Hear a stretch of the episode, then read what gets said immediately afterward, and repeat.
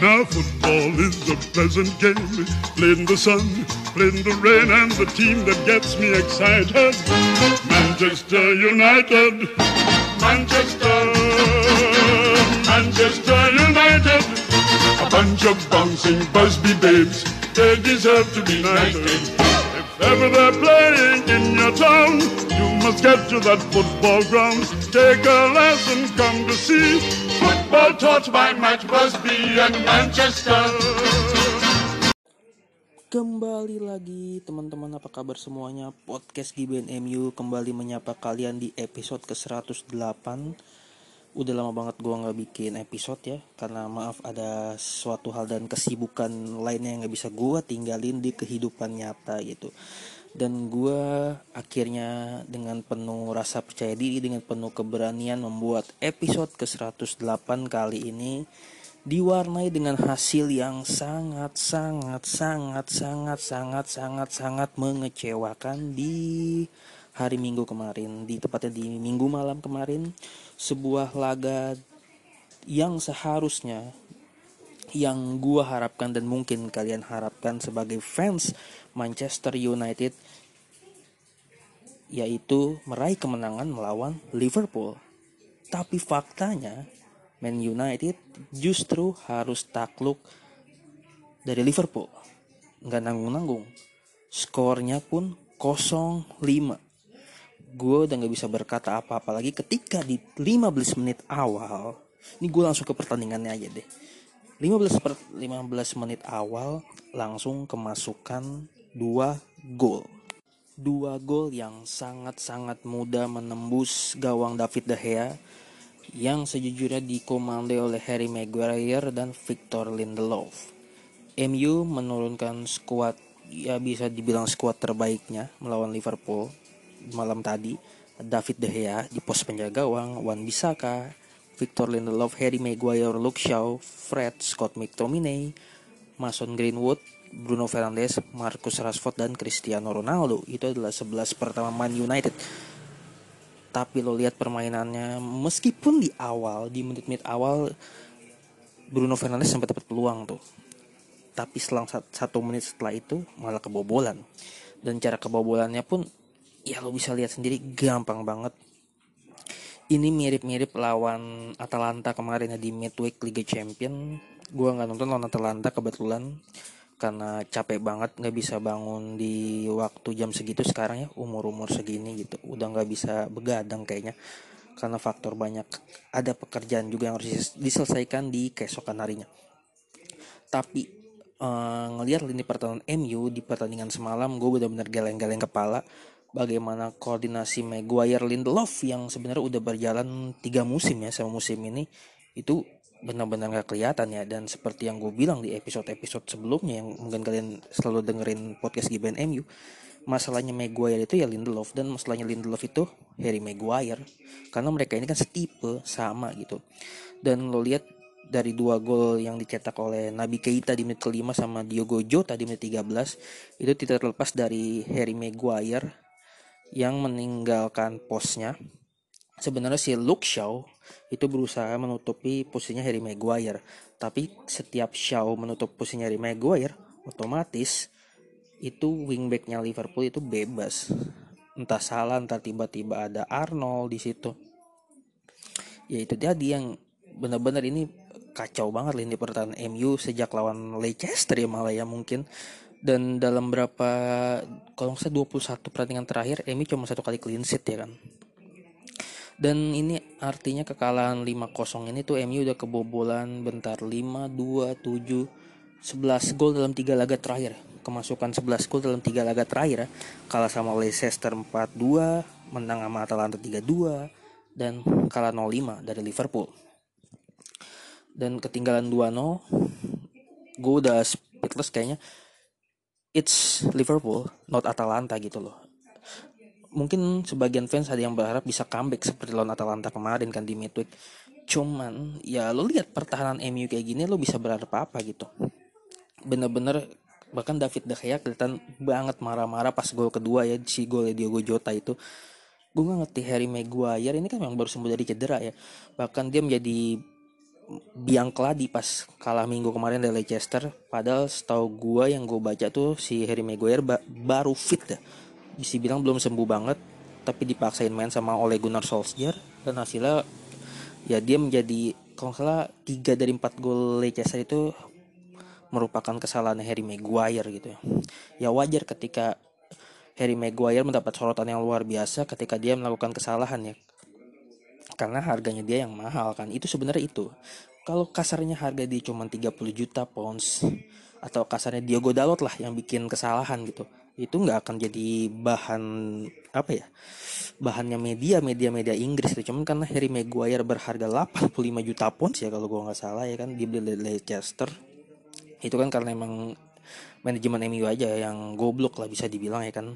Sebenarnya bisa dapetin Harry Maguire dengan harga murah di dua musim sebelumnya. Itu kalau nggak salah 50 atau 40 juta pun akhirnya naik jadi 60 akhirnya sampai di titik 85 ya udah gitu. Ya lo siap-siap dengan kritikan media dengan cara media membakar ini gitu. 2-0 gue nonton udah ya udah nggak ada harapan gitu. Dan Liverpool mainnya luar biasa. Ini mirip-mirip sama Liverpool musim 2018-2019 pas mereka juara champion lah bukan yang pas mereka juara Premier League gue ngeliatnya mereka ini seperti pas mereka lagi juara Champions League gitu. Di musim itu sebenarnya Liverpool kan nyaris juara Premier League juga ya kan mereka tuh cuma kalah sekali di musim itu. Kalau gue dari City kalahnya 2-1 di Etihad. Dan itu jadi satu-satunya kekalahan Liverpool. Dan Liverpool tuh keplesetan kan karena mereka dapat hasil imbang di apa ya beberapa di bulan Februari atau Maret gitu. Kalau itu nggak imbang mungkin Liverpool juara di musim itu juara Premier League mereka 18-19 bukan 19 mungkin bisa jadi tak beruntun ya sama 19-20 nya gitu. Cuman ya itu kan dia Liverpool benar-benar musim ini kembali menunjukkan konsistensi mereka. Permainan yang hilang di musim lalu itu kembali di musim ini. Jadi gue nggak meragukan kalau Liverpool bisa dapat gelar juara Liga Inggris musim ini menyamai gelarnya Man United ya. 20 gelar gue nggak meragukan itu. Kalau ngeliat permainan Liverpool yang sangat konsisten lo, lo lihat permainan Liverpool itu bener-bener rapi banget enak ditonton. Koordinasinya apalagi Muhammad Salah ini bener-bener lagi on fire lagi seperti musim 17-18 ya kalau nggak salah dia on fire bener-bener yang on fire banget gitu kan. Ini 10 pertandingan terakhir ya kalau nggak salah salah terlibat dulu atau bikin gol. Gue lupa baca di Opta tadi malam. Jadi gue sangat salut dengan pemain ini gitu luar biasa. Meskipun dia pemain rival tapi gue sangat happy lo lihat dia cara dia main tuh gila. Ini luar biasa loh Muhammad Salah gitu pemain yang di beberapa musim sebelumnya sempat terkatung-katung ya di Chelsea dan akhirnya Roma sampai akhirnya dibawa ke Liverpool dan bener-bener gue juga nggak sangsi sih kalau salah musim ini bisa dapetin Ballon d'Or ya tahun ini karena penampilan luar biasa banget. Terlepas dari Liverpool memang nggak dapat gelar apa-apa di musim kemarin tapi ya gue cukup menjagokan Muhammad Salah buat dapat Ballon d'Or gitu musim ini gitu ya. Ya gue nggak tahu lah kayak gimana tapi enak banget lihat nonton Liverpool tuh semalam tuh mainnya. Terlepas emang dari MU yang bobrok banget buruk banget. Sampai akhirnya Salah bisa bikin hat trick dia bikin gol di menit 38 ya kan? Terus menit 45 plus 4 babak pertama habis tutup babak pertama dengan 4-0 dan di menit ke-50 pun salah akhirnya lewat hat trick ya menutup skor lah gitu kasar 5 dan terlihat banget pemain-pemain MU udah frustasi ketika ting ketinggalan 3-0 bahkan 2-0 ya. Lihat mukanya Rashford yang sempat kesorot di menit keberapa di babak pertama ya khususnya. Bahkan Cristiano Ronaldo sampai nginjak Curtin Jones ya Kurt Jones gue lupa siapa itu. Sampai akhirnya dia uh, disamperin sama Andre Robertson sama Virgil van Dijk sebelum teman-teman yang lain datang. Dan Bruno Fernandes ngedorong Virgil van Dijk. Itu ini yang sih yang gue kangenin dari laga Northwest Derby itu yang kayak gininya gitu loh. Dorong-dorongan gitu. Tapi ya memang Ronaldo ini bisa dibilang dia frustasi juga ya. Ya mungkin dia ekspektasinya tidak seperti ini punya lini apa ya bergabung sama United ekspektasinya dia ya tentu aja juara Premier League pasti kan. Mengembalikan MU ke era kejayaannya tapi yang dia dapat kan ternyata sebaliknya ketika dia lihat lini pertahanannya ancur-ancuran kayak tadi malam ya dia di depan otomatis frustasi kan. Kelihatan banget kalau Ronaldo udah frustasi tuh permainannya bakalan hancur gitu dan kelihatan dia bakal egois gitu kelihatan banget. Ya udah akhirnya beruntung ya Ronaldo cuma kena kartu kuning. Gue pas nonton itu pikiran bakal dapat kartu merah nih Ronaldo karena nginjek ya kalau nggak salah. Nginjek apa nendang gitu sih dia. Gue belum lihat tayangan ulangan lagi dan beruntung banget cuman karena kartu kuning gitu loh. Padahal gue pikir wah kartu merah nih Ronaldo. Ternyata yang kartu merah bukan Ronaldo. Yang kartu merah justru oh Pogba ya kan di menit ke 60-an ya Pogba 59 atau 60 gitu. Itu dia baru masuk babak kedua kan. Gue lupa dia gantiin siapa tuh Pogba main. Dan nggak tau lah Pogba itu gimana gue juga nggak ngerti dia sampai ngegunting si Nabi Keita gitu. Hah. Ya sorry yang digunting Nabi Keita apa siapa ya? Gue lupa jadinya. Pokoknya itulah Pogba kartu merah sempat kartu kuning doang tuh Pogba sebenarnya. Cuman wasit akhirnya ngeliat VAR dan akhirnya dicek lagi dan possible kartu merah. Pogba keluar 10 lawan 11 pas 10 lawan 11 tuh kelihatan banget pemain MU tuh mainnya udah nggak fokus ke bola ya kalau teman-teman lihat ya. Maksudnya ketika pemain Liverpool megang bola yang direbut bukan bola tapi kaki loh. Lu berapa kali lihat deh pelanggaran pemain-pemain MU itu. Makanya kenapa si Jurgen Klopp menurunkan tempo permainan Liverpool? Ya karena kalau Liverpoolnya terus-terusan main pressing kayak terus-terusan main dengan tempo tinggi ya kaki pemain mereka bukan gak mungkin banyak yang cedera gitu. Karena pemain MU kelihatan udah nggak fokus sama pertandingan gitu. Ya gue nggak ngerti ya iya iya udah ketinggalan 5 gol di babak kedua ya menit 50 ya udah kelihatan banget pemain-pemain MU banyak banget bikin pelanggaran gitu. Beruntung cuma Pogba yang anak kartu merah gitu. dan Ronaldo sempat sebenarnya sempat bikin gol ya di menit keberapa pas sudah 5-0 tapi ternyata offset ya kan. Sempat skor sempat 1-5 tuh ternyata dicek VAR offside. 0-5 dan yang unik di laga ini tuh para fans di Old Trafford ya sebagian itu memutuskan untuk pulang ketika babak pertama udah ketinggalan 4-0 ya ini gue bisa ngerasain banget ya kenapa fans di sana pada memutuskan untuk pulang. Karena ya lo tau sendiri kan ini rivalitas yang abadi bukan hanya klub sepak bola ya bisa dibilang. Bukan hanya MU dan Liverpool tapi kotanya Manchester dan Liverpool gitu. Dan itu kelihatan banget kalau ya mungkin fans yang di sana ngerasa ya udahlah ya mendingan gue pulang daripada ngeliat bakal ngeliat bakal banyak gol yang terjadi lagi meskipun ternyata kayak cuma satu gol di babak kedua ya. Mungkin kalau Liverpoolnya tetap main dengan tinggi bisa jadi mungkin 8 9 gol bahkan mungkin 10 ya. Tapi gue ngeliat si Jurgen Klopp menurunkan tempo pemain-pemain Liverpool juga menurunkan tempo permainannya itu dia tadi. Karena beberapa kali pemain MU melakukan pelanggaran yang ngincer ke kaki berapa kali. Coba lihat pemain Liverpool ditanduk keluar ya kan berbaring di lapangan gitu dan yang unik juga Sir Alex Ferguson di menit ke 60 berapa gitu akhirnya memutuskan meninggalkan stadion keluar dari Old Trafford. Dia kayak juga nggak kuat lo tau sendiri gimana sih Alex Ferguson nggak sukanya sama Liverpool gitu bencinya sama Liverpool gitu. Mungkin lo bisa lihat rivalitas ini tuh kayak gimana. Sih Alex Ferguson tahu rival antara rivalitas antara MU dan Liverpool. Jadi mungkin dia nggak kuat dilihat MU bakal ya kayak gini loh dan lihat bagaimana pendukung Liverpool menyanyikan lagu mengecen buat Ole ya. Oleh stay oleh at the well. Ya mereka tetap akan berharap MU tetap dipegang oleh karena ya ini dia tadi gitu loh. Gue ngeliat permainan MU tuh di musim ini benar-benar nggak jelas. Benar-benar makin ke sini ya. Di awal musim memang cukup menyanyikan menang lawan Leeds meskipun mainnya emang gak bagus gitu. Karena lo tau sendiri kan Leeds United itu ya mereka kan tim yang menyerang. Jadi makanan empuk buat MU gitu. Tapi makin ke sini permainan tuh nggak jelas lo bisa lihat sendiri lah gitu. Ya wajar banget gitu jadinya kalau banyak fans yang meragukan oleh Gunnar Solskjaer terutama fans Manchester United ya. Meskipun sebab ini menjadi terbelah dua seperti biasa yang gue bahas itu loh. Karena memang salah di sisi lain oleh itu legend ya berat juga sebenarnya kalau meskipun dia legend tapi tidak oke lah di dua musim terakhir Emi cukup baik ya dari sisi peringkat terutamanya peringkat 3 Premier League sampai peringkat 2 Premier League dari semifinal Europa League bisa ke final Europa League. Tapi di musim ini kelihatan banget itu menurun bisa dibilang stuck. Lo bayangin sekarang MU dapat 14 poin dari 9 laga yang totalnya harusnya kan 27 poin ya kalau katanya bersihnya gitu. Artinya MU udah kehilangan 13 poin hampir setengahnya gitu. Bahkan Arsenal yang tadinya ketinggalan dari MU dan berada di pekan ketiga poinnya masih nol sekarang poin Arsenal udah sama sama MU 14 poin gitu. Yang membedakan tuh hanya difference golnya ya. Arsenal tuh minus 1 MU plus 1 kalau gua nggak salah. Jadi ya bisa dibayangin kalau MU ini mengalami penurunan penurunan banget banget banget banget jadi yang gue penasaran tuh sikap dari manajemen ke depannya bagaimana? Apakah Ole Gunnar Solskjaer akan dipecat atau tetap dipertahankan? Karena jadwal ke depan tuh gila-gila banget sih bener-bener parah luar biasa lawan abis ini lawan Spurs ya kan? Terus lawan Atalanta lagi di Bergamo. Lawan Spurs mainnya di main di Spurs ya kayaknya di Tottenham Spurs ini lalu derby Manchester setelah itu di Old Trafford.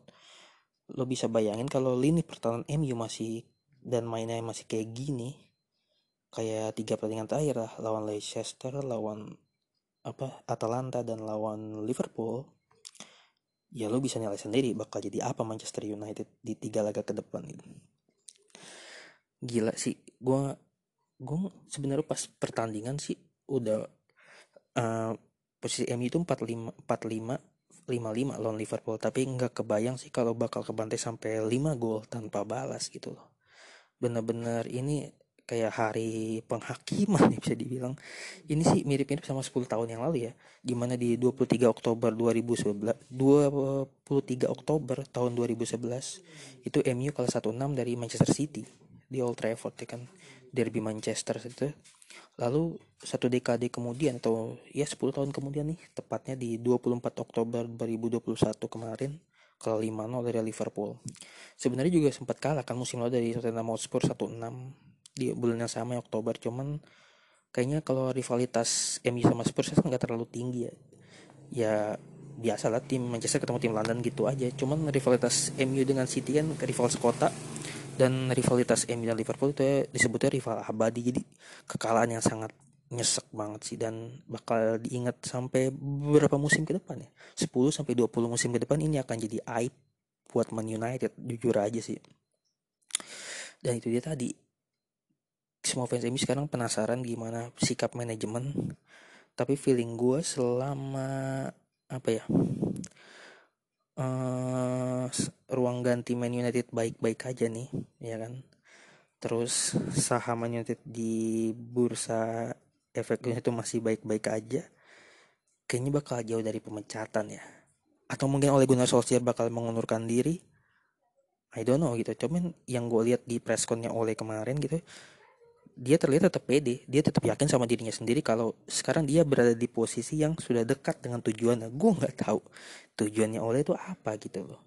Apa tujuannya mau dipecat atau gue nggak ngerti gitu.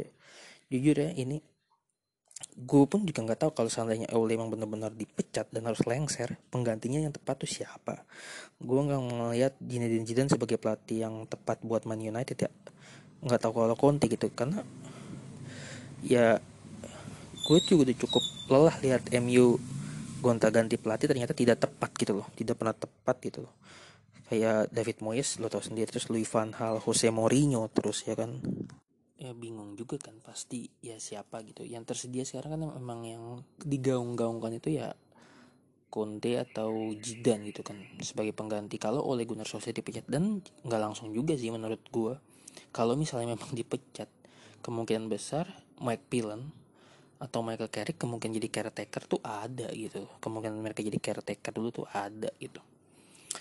Ya cuma gila sih ini. Benar-benar sejarah setelah 10 tahun yang lalu gue menyaksikan itu ingat banget gue di MNC TV saat itu ya MU ketika bantai City 16 dan gue sekarang harus melihat lagi. Kali ini gue nonton di Mola MU apa namanya kalah 05 dari Liverpool. Gila sih benar-benar nggak bakal bisa dilupain gitu. Akan menjadi sejarah terburuk Manchester United gitu. Dan gue yakin fans Man United hari ini moodnya memang bakal nggak bagus-bagus amat gitu. Bahkan mungkin mood fans ya ada yang jelek banget itu. Dan semoga apa ya dengan hasil, hasil MU ini gak ngeganggu aktivitas kalian ya bisa dibilang terutama pekerjaan tuh ya kan. Jangan sampai kerjaan lo jadi berantakan gara-gara mikirin kekalahan Manchester United tadi malam gitu. Jangan sampai lah sayang lah.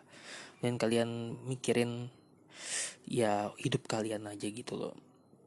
MU itu kan sebenarnya hiburan ya ternyata kita nonton MU itu kan karena kita cinta kita suka sama klubnya dan hiburan buat kita tiap harusnya tiap akhir pekan bahkan tengah pekan gitu. Tapi ternyata bukan hiburan justru yang kita dapat di musim ini gitu.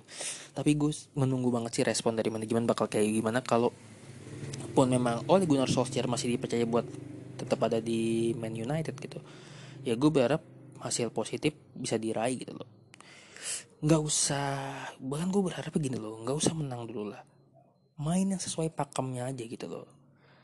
Yang main gak berantakan kayak tiga laga terakhir gitu loh.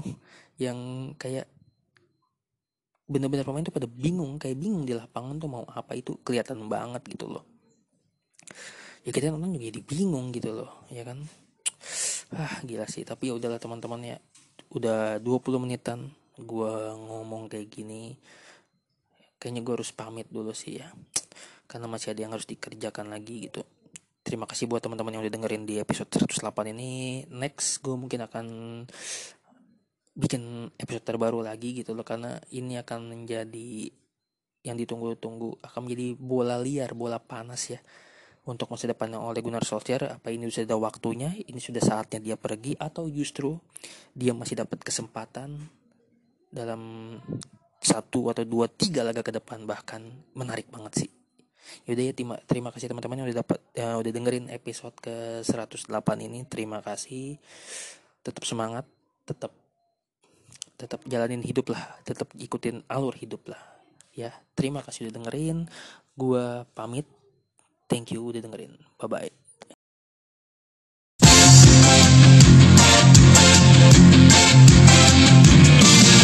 Setiap saat